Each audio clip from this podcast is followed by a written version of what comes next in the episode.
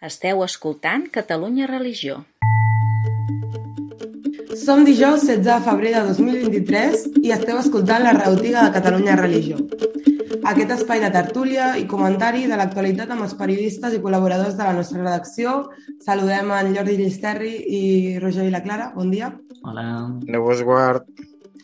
Abans de començar hem d'avisar que la Laura Mor, la nostra presentadora, no ha pogut venir i la substitueixo jo, Aina Argueta. Espero estar a l'altura. Però hem de mm, puntualitzar que tenim un convidat molt especial, en Francesc Romeu. Com estàs? Molt bon dia, molt content d'estar amb vosaltres. Francesc, moltes gràcies per acompanyar-nos. Eh, ets capellà, periodista i rector al Poble Nou. Aquest dimecres ens vas escriure un article que ja parlarem més endavant, però primer hem de parlar de com ens vam trobar aquest dimarts tots a la sala de premsa del Bisbat per eh, l'anunci al bisbe auxiliar nou, David Abadies. Com ho vau veure, això? De fet, la notícia és que el Francesc anés a la roda de premsa perquè feia molt de temps que no veia cap roda de premsa. És veritat, és veritat. Eh, la veritat és que mm, quan se't convida a una roda de premsa que reps la notificació a les 9 del matí i et conviden a les 12, home, mm, els que tenim una certa experiència ja sabem que és una... A les 12 en punt és quan surt el butlletí eh, de la Santa Seu i, per tant, hi era previsible que, que era el nomenament d'un bisbe. Jo també havia tingut una mica de filtració perquè m'havien dit que... O, o sencera? No, no, no, no, una mica. Que, que ja ve d'antic, també, els que tenim una mica d'experiència de que el cardenal havia hagut de variar algunes coses de l'agenda i que, que havia hagut de fer canvis en la seva organització, en les seves visites, i per tant, bueno, i això ja feia pressuposar que hi havia alguna cosa. I mira, aprofitant l'oportunitat de veure els companys, eh, m'hi vaig deixar caure. I perquè no sempre puc eh, eh, que a les 9 del matí puguis disposar del que faràs a les 12 quan ja tens el dia organitzat o tinc classes, sobretot al matí jo el que tinc són classes a la facultat. Mm. Doncs sí, la veritat que a mi em va semblar mm, bastant informal, la veritat. Em pensava que tenia un, un to més sobri i com que l'Omella anava fent bromes i coses així. I això, per exemple, em va cridar l'atenció. Jo també ho vaig trobar bo i que hi hagi bon rotllo entre els, els comunicadors, els periodistes i, i els de la taula. Els, també ho trobo bé, eh? penso que és un nou estil. Potser el que em va faltar, i aquí potser hi inverteixo jo coses com a professor que sóc de periodisme religiós, és que les rodes de premsa també han de ser més pedagògiques. És a dir, jo vaig veure allà molts periodistes que no, no hem estat colze a colze treballant, per tant no venen d'un camp de la informació religiosa. Llavors és bo fer-ho molt pedagògic. Per exemple, una de les preguntes que es va fer era per què és un bisbe auxiliar. Digue, home, això no s'ha de preguntar.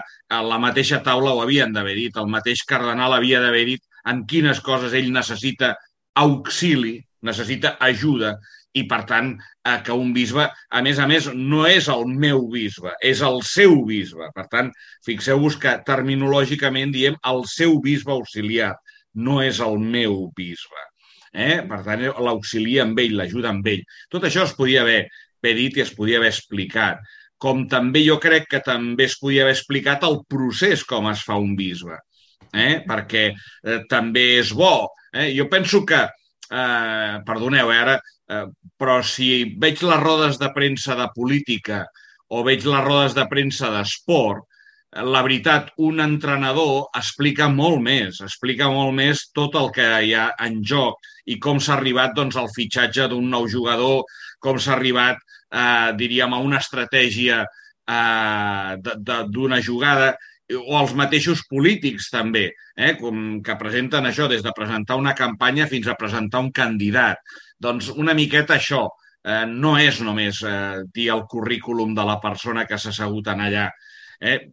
Per sort ell va poder parlar perquè el protagonista era el mateix personatge. Però jo, Francesc, crec que aquí hi ha una, amb l'exemple que posaves doncs, del món de l'esport o de la política o de l'economia, aquí hi ha una diferència que és que eh, donàvem per fet que la majoria de gent sabia que era un bisbe auxiliar. I, i, i de fet, eh, fas bé de remarcar-ho, és a dir, a mi em va cridar molt l'atenció que una de les preguntes fos, bueno, i això d'un auxiliar què és? I vaig pensar, clar, és que donem per fet coses que el món civil, per dir-ho així, ja, ja desconeix totalment. De fet, en alguns casos, eh, costaria que de, dels periodistes que estàvem allà a la sala alguns poguessin explicar exactament què era un bisbe, però hi ha un auxiliar ja, ja era per, per, per nota. I aquí mm, certament estic d'acord amb que, amb que amb què de vegades ens costa doncs, fer-nos mm, una de les coses bàsiques de comunicació. És a dir, valorar quin interlocutor tens a davant i, per tant, quin tipus d'informació havies de donar, no en funció de que sigui més llest o més tonto, que, que tots els no, que no, allà no, de tontos no en tenien res, no, no, no, sinó no, no, no. De, quin, de, de, quin, de quin context informatiu té. I, per tant, potser, en molts casos, la notícia era això, explicar que és un auxiliar i, i una de les preguntes que vas fer tu no perquè no ho sapiguessis, sinó per donar peu a que s'expliqués de, de, escolti, com, com, com es fa un bisbe, quin és el procediment i com és que triguen tant. Nosaltres sempre hem cregut que una roda de premsa és una oportunitat. I, per tant, una roda de premsa no és només has de comunicar que ha sortit un nou bisbe auxiliar, sinó és una oportunitat en la qual tens els periodistes al davant, tens la, les ràdios, tens les televisions i, per tant, has d'aprofitar aquesta oportunitat com sigui.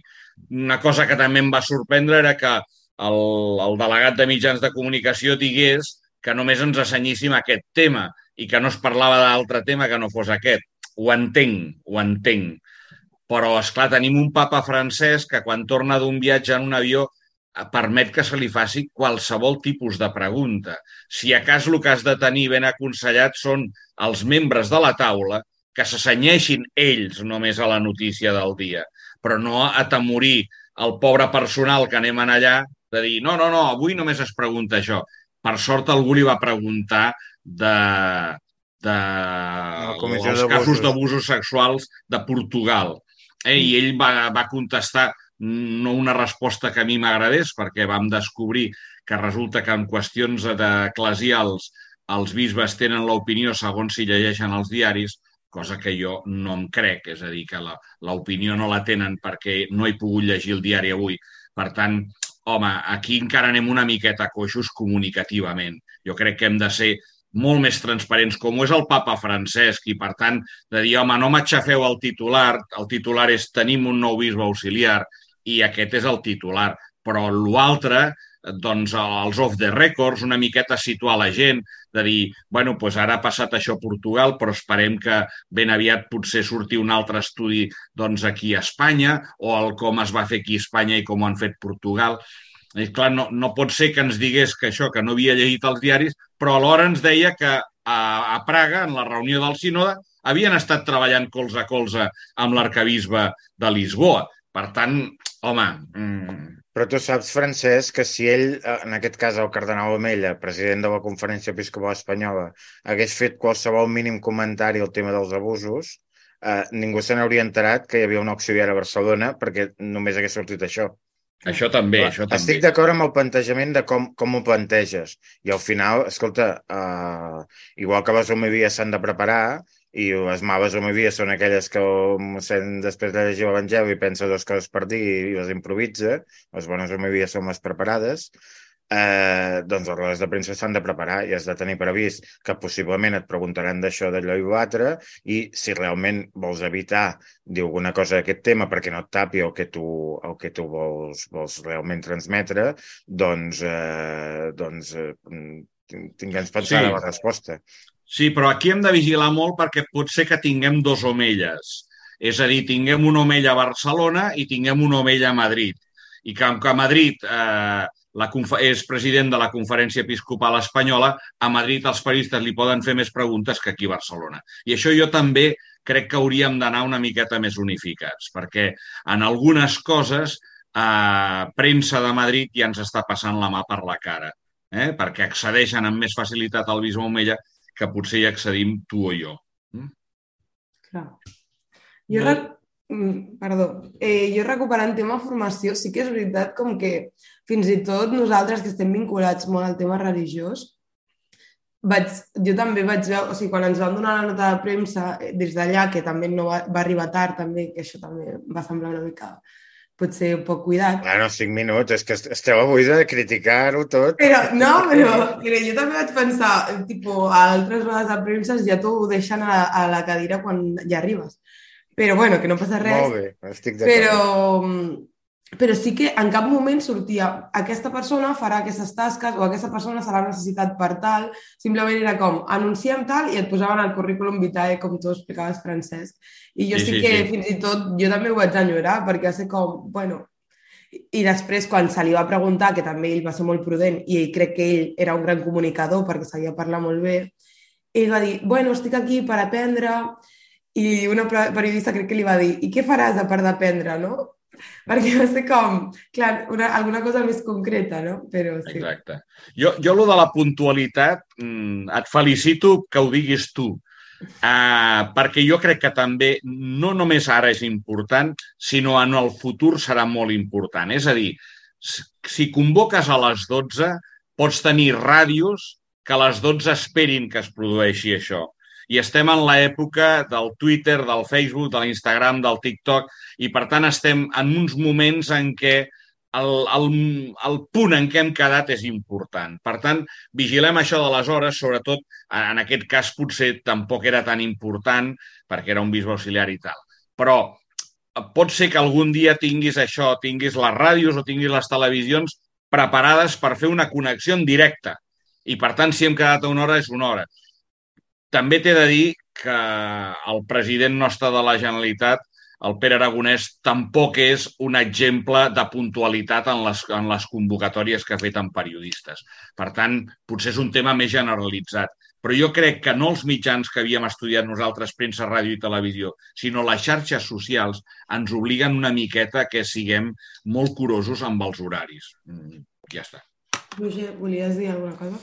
Eh, sí, o sigui, en veritat, ja ho heu anat dient, eh? però jo, per exemple, doncs, en el meu cas, és cert que era la primera vegada que, que assistia a una roda de premsa d'una elecció d'un bisbe, no ho havia vist mai, la veritat, i, i una mica, o sigui, re, també el que comentàveu, eh? però que també em va sorprendre el fet que doncs, havia anat a altres rodes de premsa de l'àmbit religiós, però en aquest cas doncs, hi havia mitjans que jo no havia vist mai en altres rodes de premsa. És evident que l'elecció d'un bisbe és important, no? però en veritat sorprèn i també de vegades alguna vegada ho hem comentat aquí a la rebotiga, que també o sigui, que és interessant no veure que al final segueix sent una notícia important que, que interessa, que té importància per la ciutat i, i precisament amb el que dèieu d'aquests aspectes pedagògics penso que també és com important fer la reflexió de, ostres, precisament el dia que et venen mitjans que normalment no venen, eh, explica't bé o doncs posa les facilitats al màxim perquè aquests mitjans doncs, després potser o tornin o, o segueixin o,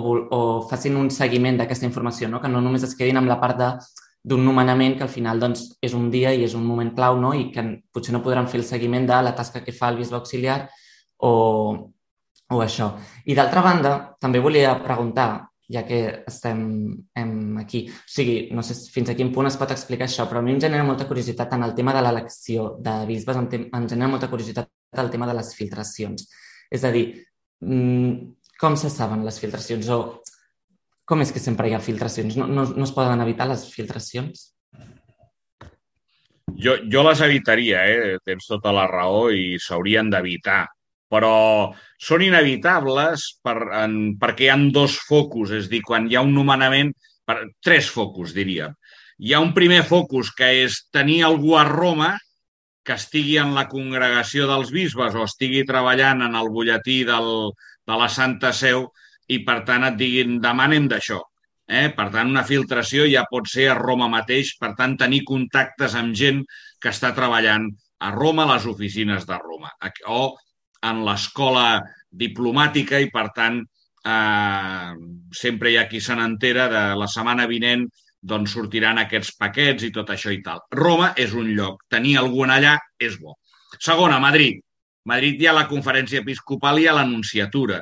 Eh? I no és fàcil doncs, que el nunci a lo millor digui doncs mira, aquesta setmana cobrirem això, la setmana vinent cobrirem allò. Per tant, que ja es creï un cert ambient. Eh, Madrid també és. I, per tant, la proximitat a Madrid em sembla que va ser Religió Digital, que ja ho va publicar. Una Però- pronunciatura i el govern espanyol que també en té coneixement abans. Exacte. Això també havia passat. Això també havia passat i, per tant, també és una... una... En el, en Una- el cas d'Omella, que també es va filtrar abans, eh, sembla bastant evident que es va filtrar des del govern. Sí, sí, sí. Sí, sí, exacte, exacte, exacte. Tot i que ja era un candidat. Em sembla que tu mateix tenies un article sobre els paracaigudistes, eh? si no recordo malament, perquè una de les coses que tinc encara és memòria i, per tant, ja era un candidat i ja dèiem que no era un candidat mm, bo. Sí, bueno, vaig fer una cosa tan brillant com escriure contra el candidat que després va ser. Exacte, per això, per això, per això ho recordo, no volia entrar, però ja que, que, No, que hi però entres tu... després li vaig explicar amb ell i em va dir no, no, si amb això també tens raó. Exacte, però recordo que era la, No era la, contra ell, sinó era la metàfora del situació. paracaigudista caigut del cel eh, que et ve a salvar. Eh, I l'altre focus és Barcelona mateix, eh, que Barcelona mateix és això de dir, si saps que el, et diuen que el, que el cardenal ha canviat la seva agenda i que et preparis per demà i tot això i tal, doncs ja en sumes una miqueta. Tot i així, jo us asseguro, jo personalment no sabia el candidat ni, ni en tenia idea eh, del, del nom ni de noms, eh? vull dir que no... Però sí que és veritat que quan vaig arribar a l'arcabisbat per la roda de premsa, i dos o tres ja em van dir els noms, uns perquè ho havien vist en una pàgina eh, web i els altres perquè m'havien dit això, que Religió Digital ja, ja l'havia posat. I, bueno, mira, era qüestió de... En 20 minuts vam sortir de la, de la incògnita. Jo això, mm, no sé què dir-vos. Eh, hi, ha, hi havia èpoques en què es- hi havia més informació perquè teníem més gent infiltrat, tothom tenia algú a Roma, tothom tenia algú a Madrid. Ara potser ens hem desconnectat més i no tenim tants informadors. I la veritat, per 20 minuts, jo no crec que sigui guanyar cap cursa arribar 20 minuts abans. No? Aquí, bueno, no sé què penseu Roger i Vaina d'això, eh? però aquí també ho vam discutir i, de fet, eh, habitualment d'aquests nomenaments, eh, no sé, doncs al, al, al matí acostumes a saber el nom. I això, I això ens facilita molt de feina en el sentit de que, a veure, els, si algun lector està molt present al minut i minut, a minut a minut de Catalunya Religió, doncs el nomenament es va anunciar a les 12 i a les 12 vam publicar un text de dues pàgines. És evident que en dos minuts no vam escriure aquell text, sinó que abans ja ho sabíem, té un cert marge per trobar una certa informació, una certa interpretació i donar una mica de context. I després, posteriorment, un cop s'ha fet l'anunci públic i la, i la compareixença amb els mitjans i tot això, doncs eh, comentes el que hem dit i el que no hem dit. O sigui que això et va molt bé per, per, per en el moment en què es produeix el nomenament, donar una bona informació o la, la millor informació que sapiguem fer sobre el que ha passat, no? Però, però jo estic bastant d'acord amb el Francesc que no hi guanyem res avançant-ho sigui 20 minuts, sigui dues hores. Mm, és a dir, el nomenament surt a les 12. Mm, ti- Tinc els meus dubtes, eh? perquè també és allò, bueno, clar, però si com a periodistes ho sabem, per què no ho podem explicar? Doncs perquè potser tampoc hi guanyem res. Eh, Jo tot, totalment d'acord amb això. O sigui, crec la que pregunta a millor. vegades és, és millor fer-ho primer o fer-ho millor. Mhm. Ja. Passa que no, no sé si coincidim, que estem una mica en un, en un periodisme. El periodisme religiós s'ha convertit en una miqueta en un peri- periodisme enverinat. És a dir, que, que tenim un tipus d'informació i una manera d'interpretació bastant maliciosa, perquè l'important ja no és que hagi sortit aquest nom, sinó els noms que han caigut pel camí i que ara sortiran, i que hi havia tal candidat però que aquest potser va dir que no, i que li van, aquest ha caigut perquè eh, tenia mals informes. Vull dir, hi ha un tipus de periodisme que a mi us asseguro que em desagrada molt, mm, però molt. Bueno, però és que, Francesc, perdó, eh, però és que això dels candidats, clar, eh, serà aquest el que sortirà tal, llavors surt un altre, sorpresa majúscula. Bueno, sorpresa majúscula, si, si esperaves que fos l'altre. Perquè Sí, que sí. tu vas dir que seria l'altre, llavors la sorpresa no l'has endut tu. Mm, A veure, aquí la veritat és que Catalunya Religió hem optat per no jugar mai amb aquest joc No. dels noms i dels que pugen, els que baixen, no sé què, precisament per evitar aquest tipus de cosa. Jo- Un altre tema que ara podríem parlar també, és el sistema de l'elecció, si és el que hauria de ser, si li falta transferència, si no sé què. Però mentre sigui el que és, en, entrar a un... Diguem, és com quan hi ha un judici, que hi ha el judici, judici, un judici, el judici en els jutjats i el judici mediàtic. I, escolti, no, el judici té unes dinàmiques, es pot informar què ha passat, que hi ha això, que tal, però el judici es fa al jutjat, no es fa als mitjans de comunicació. I aquí, de vegades, amb, amb, per, per la mateixa opacitat del sistema d'elecció de bisbes, doncs provoca que hi hagi com dos sistemes d'elecció, però que el, el, el mediàtic és fullaraca, perquè al final mm, no, no, no, és, no és el que marca si, si, si és el, el, un bisbe escollit o és un altre. Sí, sí, totalment d'acord. Jo simplement no hi he entrat mai en aquest periodisme, no m'agrada. Jo des dels meus orígens a la revista Fou Nou mai havíem caigut amb això i gairebé us recomanaria que no hi caigueu en aquesta trampa. És a dir, que juguem amb la notícia neta, amb la notícia tal com, tal com surt, eh, que donguem unes claus interpretatives. Jo crec que això ens toca al periodisme. El periodisme, mm, sobretot aquest periodisme serè, eh, que no és a les 12 del migdia, sinó que després és donar unes claus interpretatives, jo crec que és bo, eh? però que no sigui aquesta cosa de fer-nos mal entre nosaltres o d'anar cremant noms tan abans, eh, que se'n cremen noms, com després en fer explicacions dels que han quedat a la cuneta i per què i coses d'aquestes que jo crec que fan molt de mal a les persones i, i jo, jo crec que és un periodisme equivocat eh? i que ja, ja només ens queda en el camp religiós. Eh, alguna cosa sorteix en el camp polític, però, però també ja ho han abandonat perquè és molt fals, això. Però mira, amb això no hi estic d'acord. És a dir, jo crec que precisament el problema és que amb, amb el tema de l'acció de càrrecs i de responsabilitats en l'àmbit eh, eclesial es fa molt paral·lelisme amb com funciona el món polític. Uh -huh. I això és el que de vegades es donen unes claus d'interpretació de caire, mm, o sigui, no, no perquè no hi hagi política amb els nomenaments, que n'hi ha, òbviament, sinó que els mecanismes pels quals funciona la política, quan hi ha uns relleus, quan hi ha càrrecs, quan hi ha eleccions, quan hi ha um, dinàmiques de partit, etc, aquelles claus d'interpretació es traslladen a les claus d'interpretació de com funciona això dintre l'àmbit, en aquest cas eclesiàstic, o ho podríem ampliar a qualsevol altra sí, sí, sí, sí, religiosa. Sí, sí. I això és el que ens confon, perquè, a veure, Clar que a l'Església hi ha gent que ambiciosa, hi ha gent que fa mal uns als altres, hi ha gent que, que, que es fa la seva campanya, hi ha gent que fa la campanya contra que com també passa amb la política. Però els mecanismes que fan funcionar això no tenen res a veure amb els del món polític.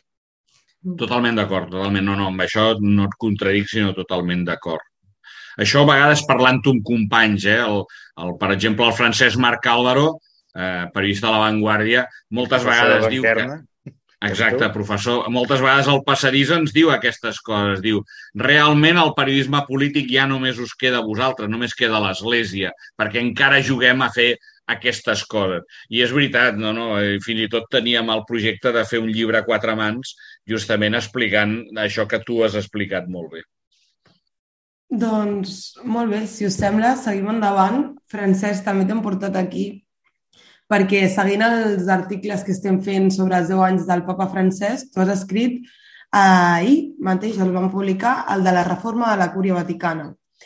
Eh, allà expliques que la Cúria era un organisme fort, dur, pràcticament independent al papa, podríem dir que fins i tot ingovernable. Però van ser els mateixos cardenals els que van demanar al papa que la reforma, que era necessària. Eh, potser a mi se m'acudeix com a primera pregunta això que estàvem parlant abans, de formació, de, de, quan, de, què, de qui parlem exactament quan parlem de Cúria Vaticana i com ha estat aquest procés de reforma. Molt bona aquesta pregunta. Veus? Això que estàs fent tu demanant-m'ho, aquest caràcter pedagògic del, del periodisme és el que a mi m'agrada i el que intento practicar. Aviam, la, la cúria és, eh, diríem, tot l'aparell la, eh, d'oficines del papa. Eh? Per tant, seria igual que, eh, perdona ara, Jordi, la comparació amb la política, però seria, diríem, com els ministeris. Eh? Tenim un president del govern i tenim uns ministeris, és a dir, que les diverses àrees. Per tant, les àrees també han d'anar canviant segons els temps. Per exemple, cultura i ensenyament, que eren dues àrees, les han ajuntat perquè qualsevol eh, govern també faria el mateix. Per tant, aquesta... I la idea era congregacions, es deien abans, ara es diu, diuen dicasteris, però congregacions era una paraula molt bonica que era el papa encarregava, estem sistema eh, Mm. A quin segle estàs, ara? Imperi romà, exacte. Per tant, hi ha l'emperador i el senat, i per tant, l'emperador enviava als senadors a què tractessin els temes. Llavors, imaginem-nos a la plaça de Sant Pere un cardenal parlant amb un grup. I tu des de la finestra diries, aquí s'han congregat uns. Doncs això és la congregació. És un cardenal que té gent al voltant que l'assessora. I d'aquí venia la paraula congregació, que era una paraula bonica. Ara això direm... t'ho acabes d'inventar, no? És boníssim. No, no, no, no, no, és cert, és cert. És cert. La congregació era això. Era el personatge i els que es congregaven al voltant seu. Perquè molt de, molt de govern es feia a la plaça, es governava a la plaça i, per tant, era el lloc d'intercanvi. Tenies els cardenals perquè intercanviessin amb la gent, perquè fessin congregació. I això està bé, ara serà dicasteri.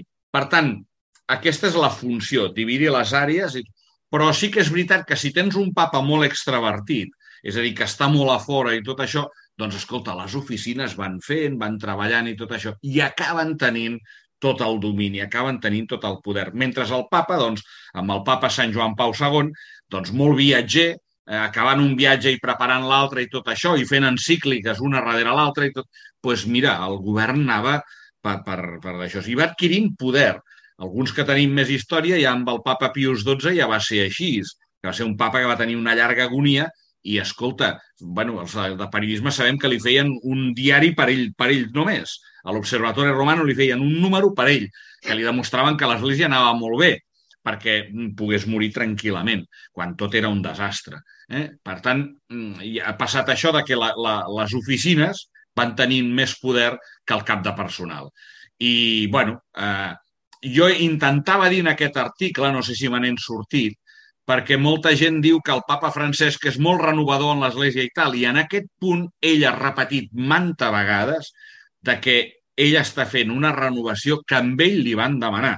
Per tant, que va ser en, el, en, les, en les congregacions, això també són congregacions, de cardenals abans de tancar-se en el conclave, que fan una miqueta el perfil. Això està molt bé, no es poden dir noms, no es poden dir noms, però s'han de dir quin perfil hauria de tenir el nou papa. I van demanar això, van demanar que possiblement, com que després de Joan Pau II va venir Benet XVI, que era un home de la cúria, però la cúria no li havia funcionat.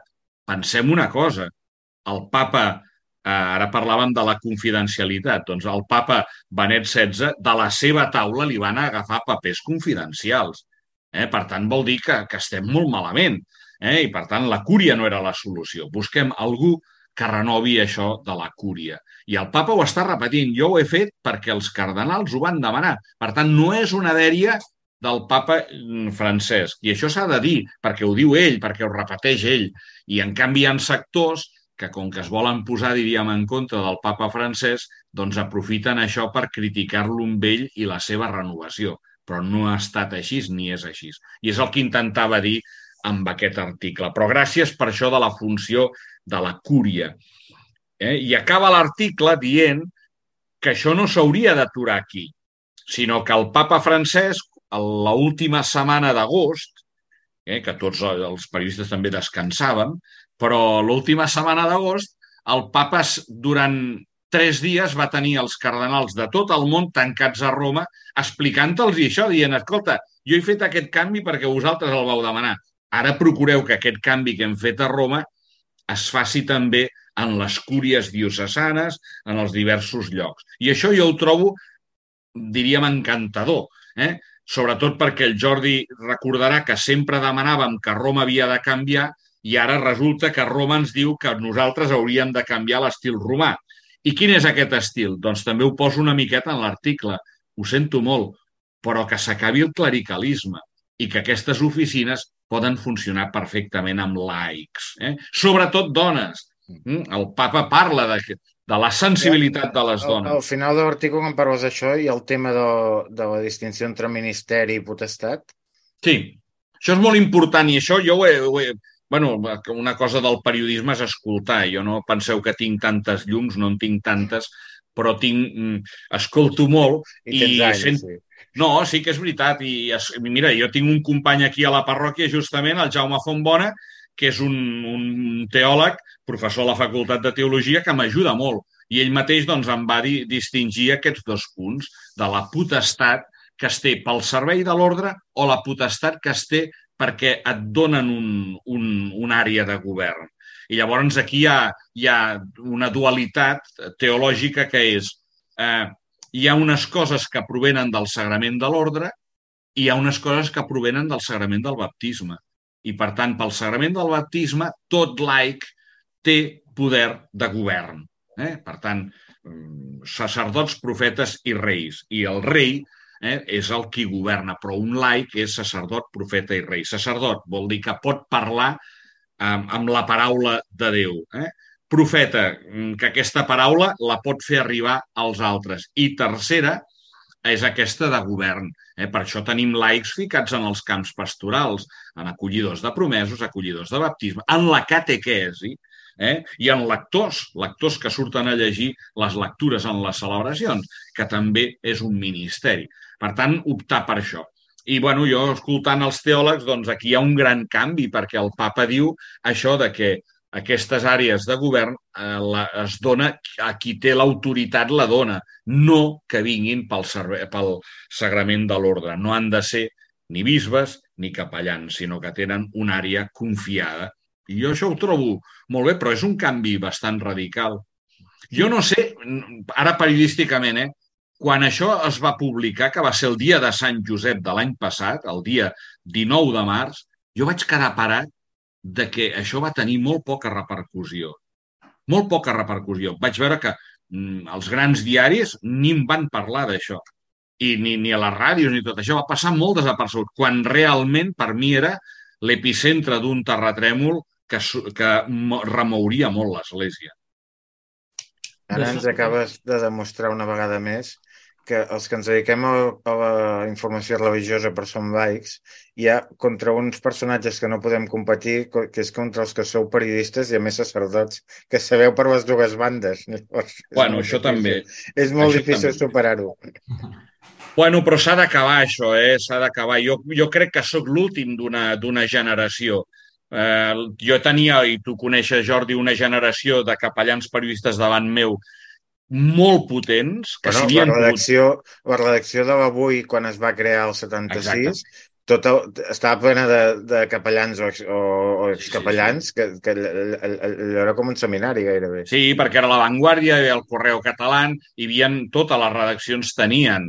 Uh, perquè, bueno, perquè la informació religiosa era un epicentre important i, per tant, s'havia de tenir. Jo ja no he estat d'aquesta generació perquè no m'hi he pogut dedicar al 100%. Jo he tingut la, la, la, sempre la dedicació pastoral i la dedicació al periodisme. Per tant, no he pogut. Però... I ara després veniu la generació vostra, que entreu en això i entreu amb molta força. Jo crec que ho podeu fer molt bé i que heu de ser molt exigents amb això, amb demanar aquesta, aquestes coses com fèieu ara, de dir, escolta, volem pedagogia, volem que això se'ns expliqui, per això per què serveix. Jo vaig tenir, per sort, grans mestres. Jo recordo el Joaquim Gomis, que era molt important. És a dir, jo ara no, no us ho demanaria a vosaltres, però la, el joc que jugàvem amb el Joaquim Gomis eh, era, digue'm el bisbe de Múrcia, digue'm el bisbe d'Àvila, digue'm el bisbe de Canàries. I jugàvem això. Però en aquell moment això era important, perquè per això que dèiem de les travesses episcopals i de qui enviaven a un i l'altre i qui manava més i tot això, doncs jugàvem això i ens el sabíem de memòria. Ara no m'ho feu perquè no ho sé, però tampoc té tanta importància. Ara potser té més importància el president de la Conferència Episcopal Espanyola, eh, que, que, que manega més. Però... Bueno, ara això es fa amb els jugadors de futbol. Exacte, exacte. I aquí darrere encara tinc el llibre de Quién és quién en la Iglesia, justament del, del, del Joaquim Gomis, que era un llibre de referència, perquè allà buscaves tot això eh, de, de, de qui manava Roma, qui manava els bisbes holandesos, eh, que una miqueta ara amb això del sínode s'està reanimant una miqueta, perquè ara sabem qui són els presidents de les conferències episcopals europees, perquè es reuneixen, perquè fan coses.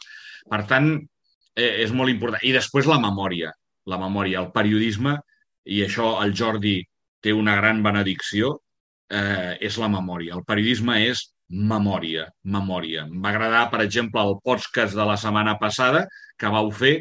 Ah, el vas que... escoltar tu, Bet. Sí, sí, sí. Tu que vas escoltar. Que, que justament dèieu dèieu això de que el papa diu que les homilies han de ser més curtes. I em va agradar molt un moment en què el Jordi surt i diu perdona, això no ho ha dit el papa ara. Eh? Això ho ha dit el papa en la primera exhortació apostòlica eh, l'alegria de l'Evangeli. Eh? Jo encara tiraria més, en, més enrere. Això ho va dir el papa Benet XVI quan va acabar el sínode sobre la paraula, que va dir que té, que té tot un, un capítol sobre com ha de ser l'homilia. Però és que això s'ha de recordar, s'ha de tenir memòria. I jo demano als periodistes molts que tinguin memòria.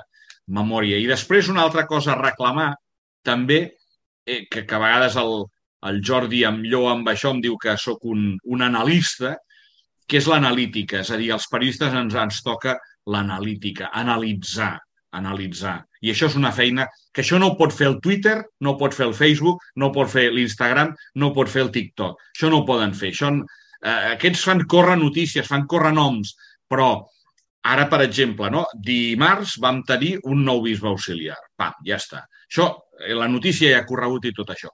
Però ara resulta que tenim tres bisbes auxiliars. Eh? I en tres ja pots fer una línia. Ja pots, en tres punts, ja pots traçar una línia. Llavors, si et donen tres punts, jo puc dir la línia episcopal que hi ha a Barcelona. Eh? I això ja m'és més doncs, fàcil. Escolta, ho haurem de guardar per un altre dia, perquè Ai, perdó, perdó. massa. Perdó, perdó, perdó.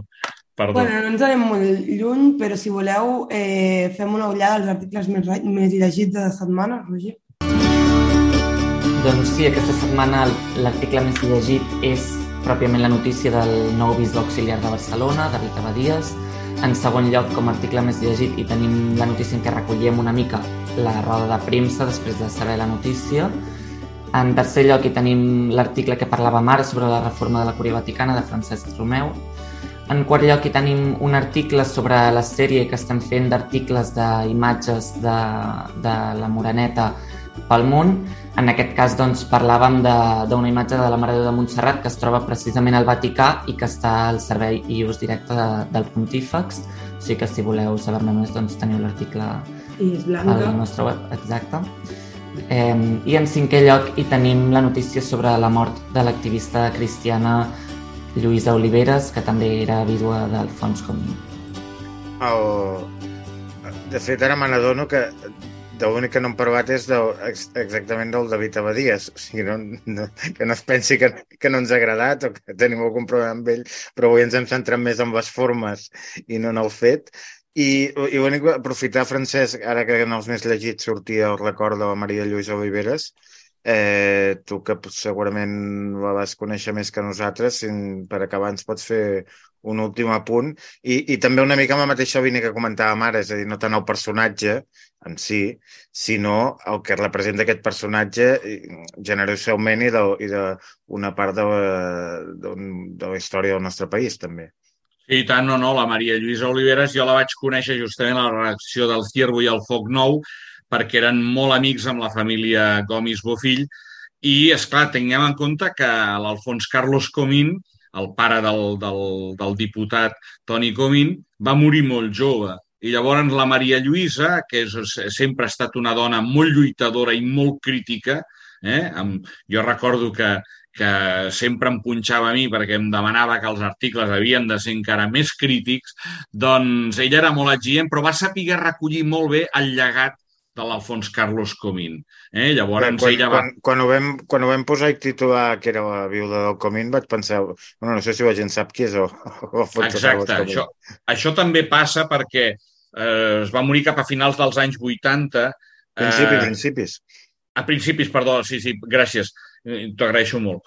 Eh, a principis dels anys 80 i ella va saber recollir molt bé el seu llegat eh? I, i fer, fer present jo, jo havia estat a casa seva. Justament recordo haver anat a casa seva a entrevistar el, el teòleg Leonardo Boff, perquè quan venia a Barcelona s'hostatjava a casa de la Maria Lluïsa. I, per tant, tots els periodistes anàvem desfilant, ens donava hora a les 4, a les 5, a les 6, a les 7, i a mi em sembla em va tocar a les 5, i per tant vaig entrar a casa seva i vaig poder entrevistar el Leonardo Boff, que llavors jo era, bueno, com, com tocar una, una persona, diríem, importantíssima, era un Messi de, de la teologia. I, I, per tant, m'ho vaig passar molt bé i sempre li vaig estar sumament agraïda. Després ens ha quedat una amistat molt bonica amb el Toni Comín, evidentment. I, mira, si em permeteu fer un apunt, eh, potser és polític i algú es molestarà, però jo sí que diria que això de l'exili, la veritat, tenim gent que se'ns està morint a l'exili i parlo, per exemple, del germà del Toni Comín, del Pere, que va anar justament a morir a Brussel·les, i ara justament la seva mare, que des del desembre va anar justament a Lovaina i va morir també a Lovaina. Per tant, home, això, alguns que ens en poden enriure d'això de l'exili, la veritat, a mi em dol per una família que han hagut de perdre dues persones, l'han hagut de perdre en l'exili, i això no és bonic, eh? no és bonic. Jo, a, a, mi, perdoneu, mm, fora del comentari polític, a mi em fa una mica de vergonya eh? tota, tota aquesta realitat. I em dol per una dona doncs, molt lluitadora i molt crítica eh, i que va saber mantenir molt el llegat del Fons Carlos Comín. Una de les coses que va fer és les obres complertes i tenim les obres complertes de l'Alfons Carlos Comín, que no estan gens malament. Eh? Era aquell home que se sentia comunista en la iglesia i cristiano en el partido. Eh? Llavors, el partido era... El, el Partit Comunista. El partit... No n'hi havia altre. Llavors. No, no, no, exacte, exacte. Per això que, que a nosaltres ens pot fer riure això, per això, però en aquells temps era molt important, va ser molt important. Jo recordo, era seminarista en aquells moments, i recordo a mossèn Rovira Belloso, gran teòleg de Catalunya, entrant un dia a classe i ens va dedicar la classe a la, a la importància d'Alfons Carlos Comín. Nosaltres no sabíem en aquells moments qui era i tot això, però vam veure un gran teòleg comentant la teologia que hi havia al darrere dels cristians pel socialisme. Eh? I, per tant, clar, jo estava a la facultat de teologia, allà prenent apunts i fent com, com quan vaig conèixer el Jordi, és dir, intentant fer com una esponja, xocar, xuplar tot el que, tot el que s'estava dient perquè jo creia que en, i en aquells moments va ser important va ser un moviment molt important. Doncs molt bé, ens quedem amb aquesta reflexió i aquest record d'aquestes persones i fins aquí tanquem la rebotiga.